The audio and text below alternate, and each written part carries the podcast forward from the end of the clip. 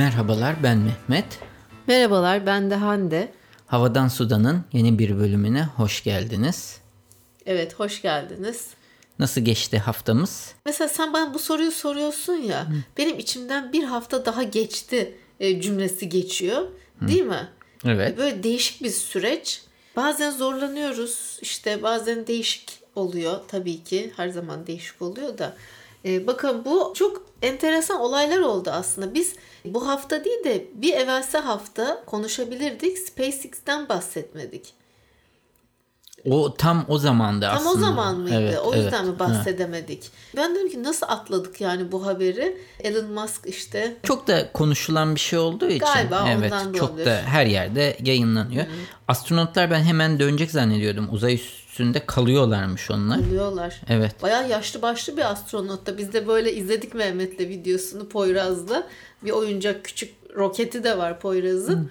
Ondan sonra enteresan tabii. Hani o anlar Değil evet, mi? Evet, evet. Hı hı. Yani insanlık tarihi için önemli bir gelişme. Ticari bir firmanın uzaya insan göndermeye başlaması evet, açısından. Açısından enteresan dediğin gibi. Bir de Virgin Galactic var. Onların da hedefi parasını vereni uzaya götürüp hemen geri getirmek şeklinde. Daha henüz onlar o başlamadı. Ta yani uzaya kadar değil de yani atmosferi geçip onlar yasal uzaya kadar. Yani e, bilim adamlarının tanımladığı uzay sınırına kadar götürüp hmm. bu sayede o kişiye uzaya gittim dedirtme şansı tanıyıp Sonra. aynı zamanda dünyanın yuvarlaklığını görüp çünkü o yüksekliğe evet, çıkartıyorsun. Evet. Hmm. Ondan sonra geri döndürtüyorsun. Sanırım bir dakika mı üç dakika mı o şeyde kalıp ağırlıksızlığı da hissettiriyorlar. Hmm. Öyle bir şey. Değişik. Yani üç dakika kalıp aşağı evet topu topu suya daldırıp Discovery, Discovery. Discovery dalış tamam. gibi böyle bir 15 dakikalığına daldırma gibi bir şey. Herhalde onda da topu topu 15 dakika falan sürüyor e, ya da belki bilmiyorum ne kadar sürüyor evet. çıkışla iniş arasında. Evet. Yavaş yavaş artık 65 yaş üstü tabii bunaldıkça Hı-hı. izinler de böyle hani verildikçe e, vatandaşlık numaralarıyla vesaire işte bizimkiler gibi değil mi? Evet, evet e, bu şekilde gidiyorlar yazlıklara yavaştan. Sonra bir tatil bir değil, bir gönlüm razı olmadı, bir bakan ayrı diyor. Değişik bir yönetim hmm, yönetiliyoruz yani bir şekilde. Ama ne şekilde bilmiyorum. Girmeyelim tabii bu konulara. Çok şöyle yani aslında bu yönetim şekli değil yani yönetilme Girme. şekli. Yani şey bu test test ediliyor yani böyle sabır test etme yani şekli. enteresan tabii oluyor böyle siyaset bilimi hani doktorasına sahip olup bunları böyle senelerce detaylı okuyup da teorilerini pratikte Afrika'daki bir ülkenin de yönetim tarzıyla birleş benzeyince değişik oluyor. Neyse. Var mı bugün evet. bu haftadan haberlerimiz veya? Şimdi dünyada enteresan gelişmeler oluyor Mehmet. Bu pandemi süreci, koronavirüs değil mi, Hı. salgın çok şeyi değiştirdi. Yani Amerika'da bakıyorsun işte gösteriler falan var. Tabii yani ırkçılık boyutuyla zaten başladı o ayrı ama e, devletlerin politikalarını ve uygulamalarını da değiştiren bazı böyle örnekleri görüyoruz. Daha önceki podcastlerde bahsetmiştik. Biz konferanslar düzenliyoruz. Üniversitede olsun, farklı platformlarda devamlı konuştuğumuz konu vatandaşlık temel geliri, evrensel temel gelir. Ve bu gibi durumlarda, kriz anlarında ne kadar önemli olduğunu vatandaşlar için bir temel hak olduğunu anlamış olduk.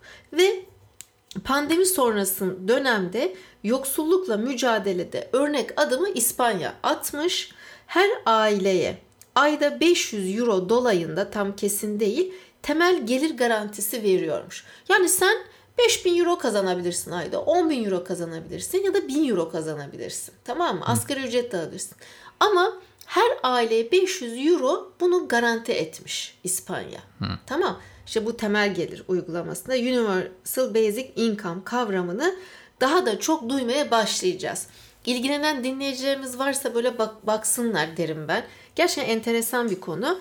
Aslında Türkiye bu kavramı CHP'nin aile sigortası vaadi vardı. Onda yani nispeten tanımıştı ama e, sonra tabii ki sağlam bir zemine oturtulmadı anladığım kadarıyla. Bir de ekonomik şartlar vesaire derken e, böyle BBC News'ta da haberlerde de geçiyor.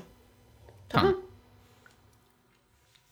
O zaman anladığım yani bu kadarıyla. bir haber evet. değil de bir tartışma gibi ortamı ha. yaratayım istedim. Discussion aramızda ve dinleyicilerimizle.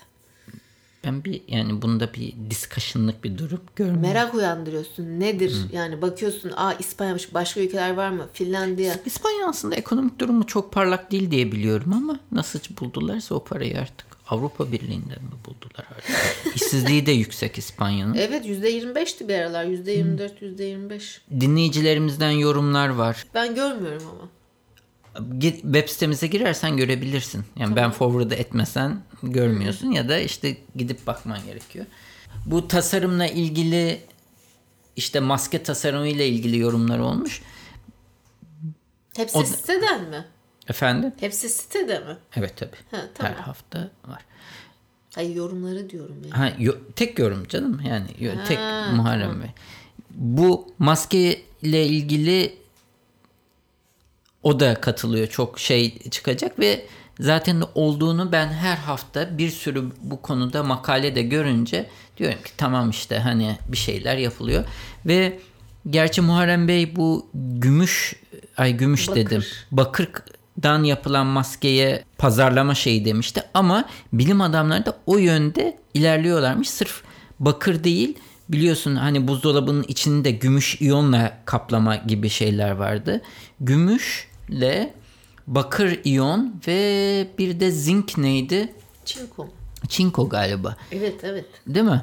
Çinko Üç Mehmet. ayrı maddeyle denemeler yapılıyormuş. Aynı zamanda başka materyallerle de bunları aslında maskeyi ondan yapmıyorlar fakat içinde bunları bulundurur hale getirip virüsü e, geçerken yani hava alım işlemi yaparken nötralize etmeye yönelik. Yani bunlar gümüş iyona falan bakteriler ve virüsler yapışıyormuş. Yani onun bir çekme iyon artık nasıl benim bilimsel şeyim o kadar e, geçiyor. Uzun bir makale ama bu şekilde e, ne, e, şey alış yani işlem sırasında nefes alım işlemi sırasında bunları nötralize etmeyi hedefleyen maskeler üzerinde de çalışılıyormuş.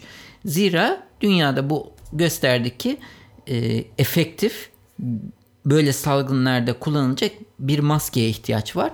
Ve tabii ki hemen fonlar da devreye girmiş. İşte çok büyük paralar değil 200 bin dolarlık e, yardımlar falan alınıp işte NSF diye neymiş National Science, Science Foundation Amerika'da Northwestern University'de çalışmalar başlamış.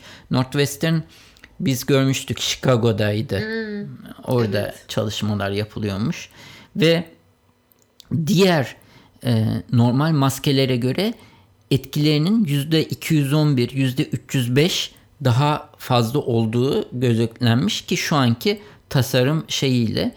Bu şekilde de yani farklı maske tasarımları ve materyal tasarımları üzerinde çalışmalar yapılıyormuş. İsrail'de de varmış mesela bunun benzer. Ben tahmin ediyorum yani bunun gerekliliği ve önemi anlaşıldığı için önümüzdeki aylar ve yıllarda da çok farklı maske tasarımları hem maskenin görsel tasarımı çalışma şekli olarak bence olacaktır. Hem de içerik tasarımı yani maddeler denenerek virüslere ve bakteriyel bakterilere karşı en etkili olup insan nefesine en rahat aldıracak maskeler üzerinde çalışmalar olacaktır diye düşünüyorum. Ya belki de hani bu kadar detaylı hazırlanmış, çalışılmış maskeler hani sağlık personeli için ondan sonra daha yoğun çalışanlar için hani kullanılsa daha iyi olabilir sanki. Şimdi ben e, 8 saat mi havada asılı kalıyormuş? 6 saat Yok öyle mi? bir şeydi. Daha kısa. O aerosol haline geldiği zaman yani e, hapşırlıkla hayır sonra... hapşırık değil farklı. Mesela bir şeyin aerosol haline gelmesi mesela entübe olduğunda çünkü orada havanın böyle basınçla püskürtülüp senin geri verdiğin durumlar varmış veya da bunu anlatıyordu bugün haberlerde. Hmm. Mesela bir dişçi senin dişine şey yaparken ağzında minik minik şeyler hissedersin diyor. Evet. O aslında aerosol oluşması diyor. Hmm. Çünkü o dişi yaparken o aerosolu o hızla döndüğü zaman oluştur diyor. Yani normalde insan o Hafif sıvı da oluyor. O tanecikte bir şey üretmezmiş. O farklı bir şey. Peki. Yani Hı. şunu demeye çalışıyorum. Mesela biz işte yani ben en azından bildiğin o beyaz eczaneden bir kutu maske alıp Hı. ondan sonra hani onları kullanıyorum. Tamam biz böyle çok bir yerlere girip çıkmıyoruz ama son bir haftadır bilmiyorum ben mesela ilk defa kuaföre gittim. Tamam bizim Hı. gayet tedbirini falan almıştı ama sen Dan diye oğlu geldi 10 yaşında maskeyi indirmiş, parkta coşmuş, oynamış tek başına. Bu farklı bir hastalık da olabilir. Bu Heh, yani Covid onun... bunun sinyalini verdi. O yüzden de tamam. insanlar bu araştırmaları yapıyor. Yönelik. Evet, daha yani geleceğe yönelik ediyoruz. Tamam. Evet. O olur. Yani şunu demeye çalışıyorum. Benim o basic basit beyaz maskemle hani Allah korusun bulaşmış olsa zaten çoktan gelirdi yani. Onu demeye çalışıyorum. Bu işte Covid olarak düşünmemek lazım. Bu tamam. aslında bir tehlike çanı oldu. Daha beterinden evet, korun Allah yani. Ha, hani onun içinde çok yetersiz olduğu gözlendi. Aynı zamanda bence çok fazla da bu maskeler atık üretiyor. Sıradaki haberim Barış arkadaşımın bir ricası oldu benden. Dedi ki böyle bir yarışma var. Podcast'te bahsedebilir misin? Ben de bahsetmez miyim dedim ve 1-30 Haziran arasında Wiki Loves Earth yani Wiki yeryüzünü seviyor 2020 Türkiye e, fotoğraf yarışması bu aslında. Hmm. Amaç şu şimdi Wiki yeryüzünü seviyor dünya çapındaki yerel Wikimedia kuruluşlarının yardımıyla Wikipedia topluluk üyeleri tarafından Mayıs ve Haziran aylarında düzenlenen uluslararası bir nedir fotoğraf yarışması. Ne yapıyor katılımcılar? Bölgelerindeki yerel doğal miras alanlarının fotoğraflarını çekip Commons'a yüklüyorlar.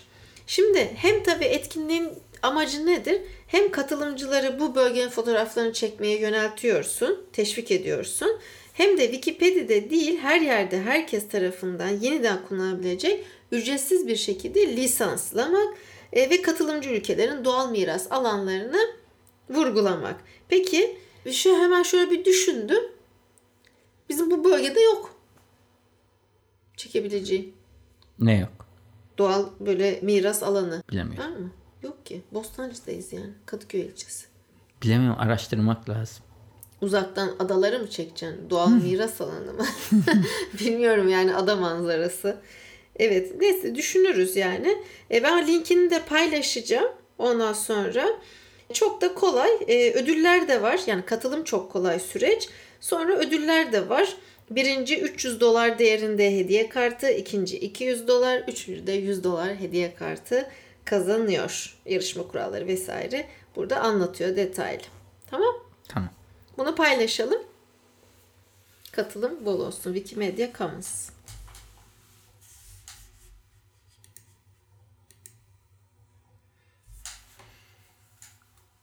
Şimdi benim diğer e, konum bu remote çalışma falan dedik. Gene remote çalışma üzerine, uzaktan çalışma üzerine. İnsanların şimdi bu e, korona sürecinde herkes evden çalışmaya başladı e, falan. Tabii bu durumda kendi saatlerine uydurmaya başladılar. Onu belirtiyor. Yani normalde 9-6 insanlar işte bazı şirketlerin 8-5 bir çalışma süreci var. Ve herkes buna uyuyor. Ama bu şekilde evden uzaktan çalışınca bazı insanlar o zaman dilimine uymayıp kendilerine uygun olan zamanı seçiyorlar. Bunu şirket kabul ediyor mu? E belki şirket arıyor seni ama mesela sen sabah belki 5'te kalkıp işin çoğunu mailleri cevaplayıp halledip sonra öğleye doğru biraz dışarı çıkmak istiyorsun. Veya da çocuğunu gidip biraz çocuğunu dışarı alıp vakit geçirmek istiyorsun. Evin otoparkında futbol Hı. oynamak istiyorsun mesela. Hı. Diyor ki yani bu süreç aslında insanların tercih ettiği zamanları insanları çalışma performanslarının en yüksek olduğu zamanda çalışma imkanı verdi. Veya esnek da sen çalışma saati. Evet, çok fazla esnek çalışma hmm. saati. Hatta belki gece çalışıyorsun. Gündüz çok çalışmayın. O zaman iş ve özel yaşam ayrımı da biraz ortadan kalkmıyor mu Mehmet? E, o da o da var tabii. karışmış oluyor yani. Evet, o da var. Ama işte bazı insanlar benim işte çok beraber çalıştığım Emre diye arkadaşımız var. Hı-hı. Yurt dışında yaşıyor. E, onun genellikle işlerini gece yapıyor. Yani gece 3'te falan çalışıyor. Gece 1'de görüyorsun bazen bir zaman farkı da var ama o geç saatlerde o işlerini yapmayı tercih ediyor. Ge- sabahta hatta ben aradaki fark Tayland'da yaşıyor şu anda. Ben kalktığımda mesaj attığımda sanırım 4-5 saatlik bir fark var. Hı hı. O daha yeni kalkmış olabiliyor mesela hafta sonu olduğu zaman. Şimdi e, hafta içi olduğunda o da işe gidiyor falan ama evet. değişik bir süreç. Ya bana bu esnek çalışma saatleri ya da çalışma saatlerinin değişmesi bir hani akademisyen olarak zaten bizim mesleğimizde böyle 9-5 işte bir memuriyet olmadığı için ya da Hı. hani böyle çalışma saatleri belli. Bana mesela bu yabancı gelmiyor hiç. Tabii ki akşam 9'da 10'da oturup makaleni yazabilirsin. Ya da işte sabah erken kalkıp işte okuyacağın neyse bazı dokümanları, makaleleri, raporları okuyabilirsin. Yani ki bunlar hep yaptığım şeyler. Ee, sadece zorlayan e, dediğim gibi aileye ve e, kadına özellikle yardımcı olan kurumların, kişilerin o sistemin bozulması. Yani bakıcı, temizlikçi, okul, kreş işte vesaire bunların olmaması biraz sekteye e, uğratıyor çocuklu ailelerde diyorum. E, Wall Street Journal'da da bir haber var. Diyor ki sadece çalışma remote olmaktan çıktı. İşe alım ve onboarding yani bizde ne diye geçiyor? Firmaya tanıtım süreçleri de zaten artık uzaktan yapılmaya başladı. Hmm.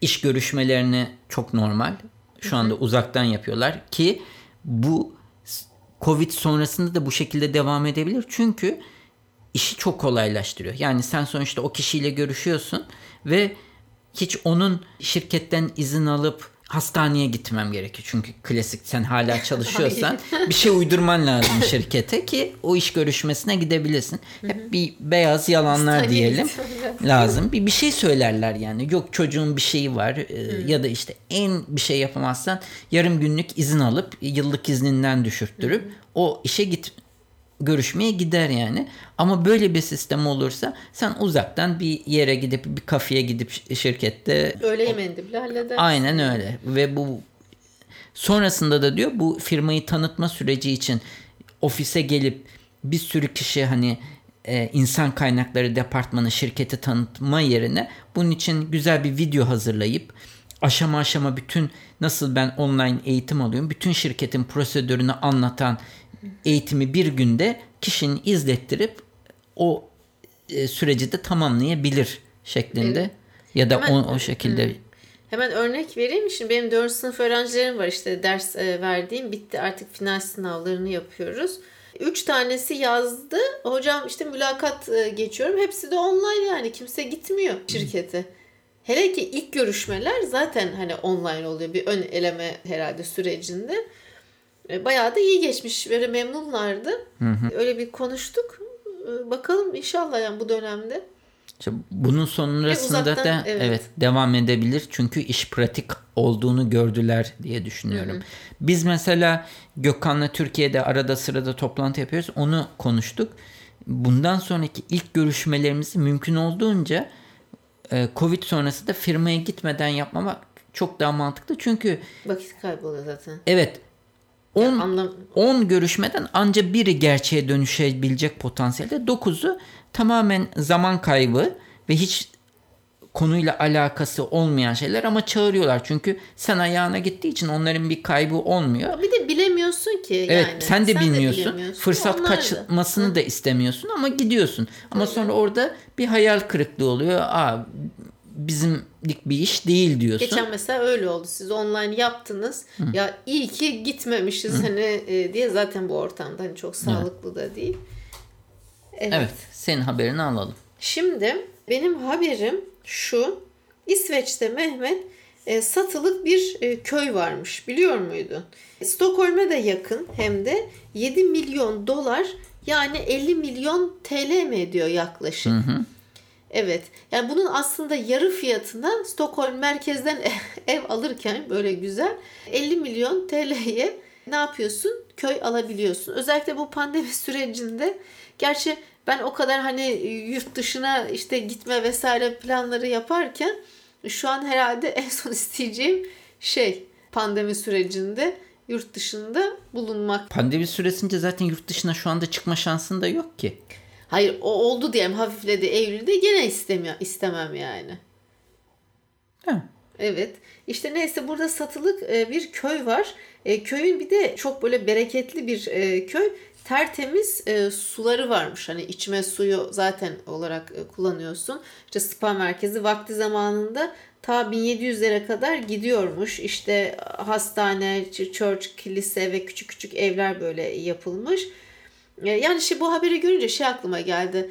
Böyle yakın arkadaşlarınla e, herkesin işte birer ev sahip olduğu böyle köyde çocukların okula gittiği aynı okula sınıf arkadaşı oldu. İşte bu bir tek güneydeki belki ufak yerlerde mümkün olur. Yani Köyceğiz. Türkiye'de işte Datça, Matça, hmm, böyle. Selimiye belki. Evet. Ama oralardanın kışı Ay ne yaparsın? Tamamen ev hayatı. Bu bizim koronada yaşadığımız sürece e, orada yaşarsın.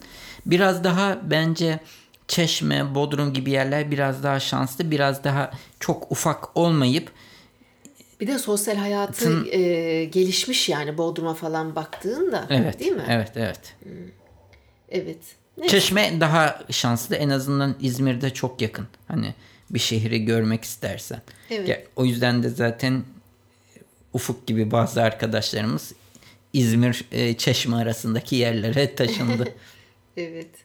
Ben son haberime geçiyorum. Benim bu e, haftaki haberlerim hep bu remote Maske mi gene? Uz- ha, hayır, uzaktan çalışmaya yönelik. Bu New York Times New Yorker'da yayınlanmış bir makale. New York Times dedim. New Yorker'da yayınlanmış bir makale. İlk defa uzaktan çalışma fikri Sence kaç yılında çıkmıştır? Hemen ben sen okumaya çalışırsın şey yapayım. 1900'lerin sonu mu? 1900. Tahmin et. Benim doğduğum yıl. Ne? 1900? 1073. 73. İlk defa bu teori 1973'te ortaya atılmış. Petrol krizi çıktığında Amerika'da petrol fiyatları sıçradığında denmiş ki bunca suburb'den yani Amerika'nın varoş varoş yanlış bir şey mi? Çünkü Amerika'da favela, favela gibi anlaşılıyor bu Yok banliyölerin olduğu. Ha, banliyölerden tamam. hep şehre bir gidiş var. Evet. Ve bu insanlar çok petrol yakıyor. Hı hı. Buna bağımlılar ve bir anda maliyetleri çok yükseldi. Ve o zamanlar çok e, düşük hızda internet bağlantıları var. İnternet demeyelim data bağlantıları var. Biz bu e, banliyölerde ufak e, şirket merkezleri kursak, herkes oraya gitse ve şirket merkezine oradan bağlansalar. Yani ilk aslında yarı ıı, uzaktan çalışma gibi. Sen Bostancı'daysan Bostancı'daki şirket ofisine gidip oradan çalışacaksın. Herkes o muhitteki şeye gidecek. Ufak bir belki daire gibi bir yer. Merkeze bağlanacaksın, çalışacaksın, eve döneceksin. Bu sayede e, mesafe kısalacak. Bu arada ilk çalışan kişi de varmış gene istifa etmeye karar veriyor ama 86'da 1986'da bu tabi bu sistem tutmamış. 86'da ee, evden bağlanan bir IBM çalışanı e, COBOL e, uzmanıymış ve IBM o kişiyi kaybetmemek için istifa etmiş. Evden çalışmasını kabul etmiş ve wow. düşün 86'da evden bağlanıp hmm. yazdığı kodları IBM'e iletiyormuş o kadar yavaşmış ki harfler tek tek iletildikçe görebiliyormuş ekrandan gittiğini, yazdığı kodun karşı tarafa geçtiğini. Ve işte bu uzun makalede şunu belirtiyor. Aslında ikisi arasında yani ofiste çalışmakla evde çalışmak arasında kalite farkları var. Her ne kadar bu mesafeyi kısaltsa da birçok negatif tarafı da var. Birincisi e, çalışanlarla sürekli yüz yüze görüşmediğin zaman yaratıcı işlerde bu programcılık da dahil kısıtlama oluyormuş. Çünkü o zaman sırf kendinle kalıyorsun. Ama Hı-hı. şirket ortamında olduğunda mesela yaşadığın problemi e, başkalarıyla tartışıyorsun veya da hemen masasına gidip sen bu konuda ne düşünüyorsun deme özgürlüğün var. Hı-hı. Öteki türlü e, bunu diyemiyorsun. Telefonla açtığında ulaşamayabilirsin. Diyor ki bu aslında çözülmesi gereken bir e, sorun uzaktan işte çalışma hibrit model. Yani hem böyle yüz yüze olacak zaman zaman haftanın belli günleri e, işte üç gün evden çalışıyorsan iki gün şirkette gidip toparlama. Bir sistemin göre... değişmesi lazım diyor. Burada çok güzel bir örnek vermiş. Onunla bitireyim ben. İngiltere'de eski bu sanayi devriminde ilk fabrikalar ne enerjisiyle çalışıyordu? Buhar gücü. Evet. Ee, ve fabrikalar hep buna göre çalışıyormuş. Yani bir buharlı makine bütün e, gücü döndürüyor ve tavandan miller dönerek ayrı ayrı bütün e, makinalara güç iletiyormuş. İlk elektrikli motora geçtiklerinde aynı sistemi devam ettirmişler. Ama elektriğin aslında öyle bir özelliği var ki tek bir kazana bağlı değil ki. Çok yıllar sonra her bir makineye ayrı bir elektrik motoru takıp sadece kablo ile elektriği getirip tavandan e, böyle bir mil sistemini çalıştırmanın gereksiz olduğu ortaya çıkmış ve hatta bu sayede ilk defa e, fabrikalarda yanlarda pencereler, tavandan ışık sistemleri gelmiş. Yani hmm. sistem değişince çalışma koşulları da bir anda iyileşmiş. Ve bu da diyor ki aslında biz hala ofis mantığıyla evden çalışmayı zorunlu tutuyoruz ya da o mantıkta bir süreçten geçiriyoruz. Belki de yeni bir fikir yani sistem değişince yeni sisteme göre bir çalışma mantığının icat edilmesi gerekecek ve bu o mantık değiştiğinde ha uzaktan çalışmanın sistemi bu denilecek ve o sistemle çalışmaya başlayacağız gibi bir öngörüde bulunmuş. Tamam. Bu sistemi neden biz bulmuyoruz Mehmet? Çünkü işte böyle. sen çünkü eski çalışma mantığıyla hepimiz kafamız o şekilde çalışıyor. Ancak birisinin göz farklı bir düşünme şekliyle olaya yaklaşması Yaparım gerekiyor. Ben. Bulurum bir şey. tamam. Benim böylece bu haftaki haberlerim bitti. Uzun makaleler ama paylaşacağım. E, ilgilenenler e, okurlar. Evet. Benim e, son haberim aslında senin de çok beğeneceğin bir haber. Ne e, açısından? Modern mimari ile dinlerin buluşması açısından. Çok Hı. enteresan tasarımlar varmış Mehmet. Ve dünyanın en modern dini yapılarından dört tanesini söyleyeceğim. Bunlardan biri de Türkiye'deymiş. Ve ben bilmiyordum. Hı. İlk defa gördüm resmini, fotoğrafını burada. Duydum.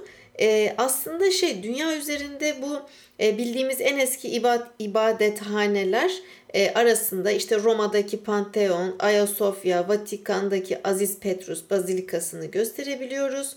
Sonra Paris'teki Notre Dame değil mi? Birçok aklımıza geliyor. Mimar Sinan'ın Selimiye Camii aynı şekilde.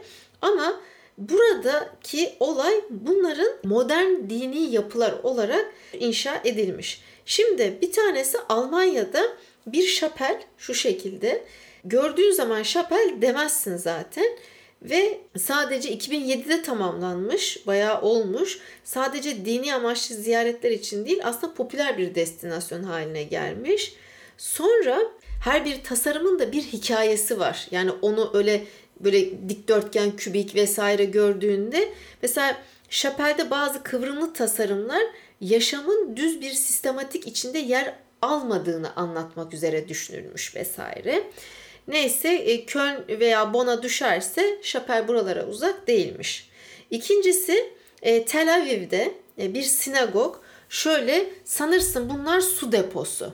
Aslında hmm. değil. Şöyle bir dikdörtgen yapı üzerinde ikiz kuleler var ama kulelerde çok böyle yüksek değil. E, su deposu gibi sanki duruyor ve mesela doğal ışığı yakalamak üzere tasarlanmış. Son ikisinde mesela Şili'de bir tanesi. Bu bir temple yani e, tapınak. Bahai e, tapınağı Şili'de. Şöyle e, tamamlanması 14 yıl sürmüş. E, bu yapı yeryüzündeki en genç dinlerden biri olan ki ben bunu bilmiyordum. Bahai inancına mensup kişilerce üstlenilmiş. Bak neler var ya bilmediğimiz bir sürü şey var yani. Ben bayılıyorum bu haberlere ve bu Bahai inancı 1863 yılında İran'da ortaya çıkan inanç e, ortaya çıkan inanç sistemi 6 milyona ulaşan mensubu da varmış dünyada. Tapınak her dinden insana açık çünkü tüm dinleri doğru kabul eden bir dinmiş vesaire. Dinin detayını bilmiyorum. Bu da mesela 2016 yılında açılmış semazenlerin dönüşünden ilham alınarak oluşturulmuş. Yani birçok farklı böyle bileşeni var anladın Altında düşünce var. Şimdi geleyim Türkiye'de ki yapı Sancaklar Camii. Sen duymuş muydun? Duymuştum evet. Ya bak ben Hı. bilmiyordum ve hele ki Emin Arolat şey Emin Arolat nereden çıktı? Emre Arolat tasarlamış. Daha da sevdim çünkü bir tasarımcı olarak, bir sanatçı olarak çok böyle beğendiğim birisi. 2012 yılında bir de 2012 yani. Biliyorum gördüm kendi, ben fotoğraflarını. Fotoğraflarını gördüm. Ben çok üzüldüm ve utandım yani. Sancaklar Camii ödül de kazanmış. iki tane ayrı ödül. Ee, modern camiler açısından ıı, değil tüm ibadethaneler arasında en ilgi çekici yapılardan. Mesela kaotik dış dünya ile caminin duvarlarında bulunan sakin dünya arasında kesin bir ayrım yaratmayı amaçlıyormuş bu tasarım. Hep böyle arkasında bir hikaye, bir fikir var ve içine şu yani gidip görmek istedim yani o kadar heveslendim. Caminin dış cephesi tamamen doğa ile bütünleşirken iç cephede mesnevi bir huzura ulaşıyormuşsun. Yani ona göre tasarlanmış. Ee, çok hoşuma gitti benim. Böyle merak ettim yani. Paylaşayım istedim. Tamam. Bir de insanın bu dönemlerde böyle gezip, görüp, bir valiz hazırlayıp Hani değil mi? Daha biz bu sabah konuştuk. Yani insanın bazen canı sıkkın oluyor. Bir şeye üzgün oluyor. Bir moral bulmak için bir tatile gidiyorsun. iki günlük bir kaçış değil mi? Bir uçak bileti alıyorsun. Ya şuraya atlayıp gidiyorsun. Bir şey merak ediyorsun. Şimdi hiçbir tanesini yapamıyoruz ya. Hı hı. Ee, Mehmet'le kahvaltıda konuştuk. Ya da öğle yemeğinde bugün. Neyse biraz içimde galiba o şey böyle birikti yani. Ondan heyecanlanmış olabilirim. Tamam. Tamam. O zaman Evet aslında bir haberim daha var. 160 milyondan fazla kullanıcının bilgisi çalınmış. Bir de Darknet sitesinde satışa sunulmuş. Bu Darknet daha önce konuşmuştuk galiba değil mi? Sana ben soruyu sormuştum galiba. Yani nedir bu Darknet sitesi diye. Bu Darknet... Te- teklenen ya da çalınan bilgileri satışa sunuldu. Darknet e, olarak aynı şeyi mi kastediyor bilemiyorum. Bir ayrı işte e, ne ayrı bir yazılım üzerinden giriyorsun ve sırf böyle karanlık işlerin değil birçok şeyin aslında takip edilemez olduğu için işlemin gerçekleştirildiği hmm. ve evet. Takip edilememeyi nasıl sağlıyorlar peki? Çünkü kullanılan browser'dan kaynaklanıyor. Onun özel bir browser'ı var. Ee, Tor browser. Tor evet. Tor kullanılıyor. Yani? O ne Mehmet? Bak hep acayip yeni şeyler öğreniyorum şu an bir dakika içerisinde. Tor diye bir browser. O browser hiç iz bırakmadan bir sürü farklı nokta üstünden bağlanarak gerçekleştiriyor. Birileri de zorlarsa sanırım takip etmeleri mümkün olabilir ama ona karşı önlemlerin de olduğu, her şeyin illegal olmadığı ama illegal işlerin de döndüğü bir ortam diyeyim. Bu tamam. senin Darknet. Peki. Tamam. Olur. O zaman bu haftalıkta bu kadar diyoruz sanırım. Yorumlarınızı işte bazen şimdi Instagram'ı açtık. Bazı dinleyicilerimiz oraya yorum olarak yazı şey bırakıyorlar. İşte dinlediklerini ne zamandır dinlediklerini falan belirtip. Hı hı. Böyle yani hoşumuza gidiyor. E, mail olsun, farklı yerlerden yorumlar olsun artık pek iTunes'a kimseler yorum bırakmıyor gördüğüm kadarıyla. Hiç e, geçen seneden yani 2019'dan kalan yorumlar var. Facebook'ta çok azaldı hatta Facebook'ta hiç yok. çok azaldı evet ne zamandır hiç. Katılım oluyor ama çok az e, şey. İnsanlar Instagram'a falan dönüyor. Şeyde ne kadar Telegram'da ne kadar takipçimiz var bilmiyorum bakmadım. Çok pratik bir şey bu arada. Messenger'dan bence daha güzel. Ee, istersen sen de Telegram'a geç mesajlarını oradan at bana. Yok be Mehmet. İyiyim ben şimdilik böyle. İyi tamam sen bilirsin. O zaman gelecek hafta görüşene kadar sağlıcakla kalın. Hoşçakalın.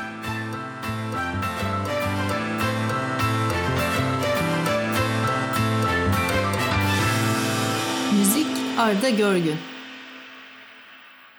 Yayınlarımızı Apple Podcast, Google Podcast, Overcast, Spotify, Power FM, farklı birçok akıllı telefon uygulamasından dinleyebilirsiniz. Bu www.35 rakamlı milimetre.com adresinde havadan sudan bölümüne girerek bölümlerinizi bilgisayarınız üzerinden de dinleyebilirsiniz. Yine aynı sayfa üzerinden her bölümde konuştuğumuz konulara ait bağlantılar ve videolar mevcut. Sayfanın sonunda da o bölümle ilgili arzu ederseniz yorumlarınızı bırakabilirsiniz. iTunes, Google Play ve diğer uygulamalara da yorumlarınızı bırakırsanız bizi memnun edersiniz. Bize direkt ulaşmak isterseniz havadan sudan et 35mm.com adresi üzerinden e-posta ile ulaşabileceğiniz gibi Twitter'da bana et 35 mm Hande'ye de et Hande Tek Turan adresi üzerinden takip edebilirsiniz veya da direkt mesaj iletebilirsiniz.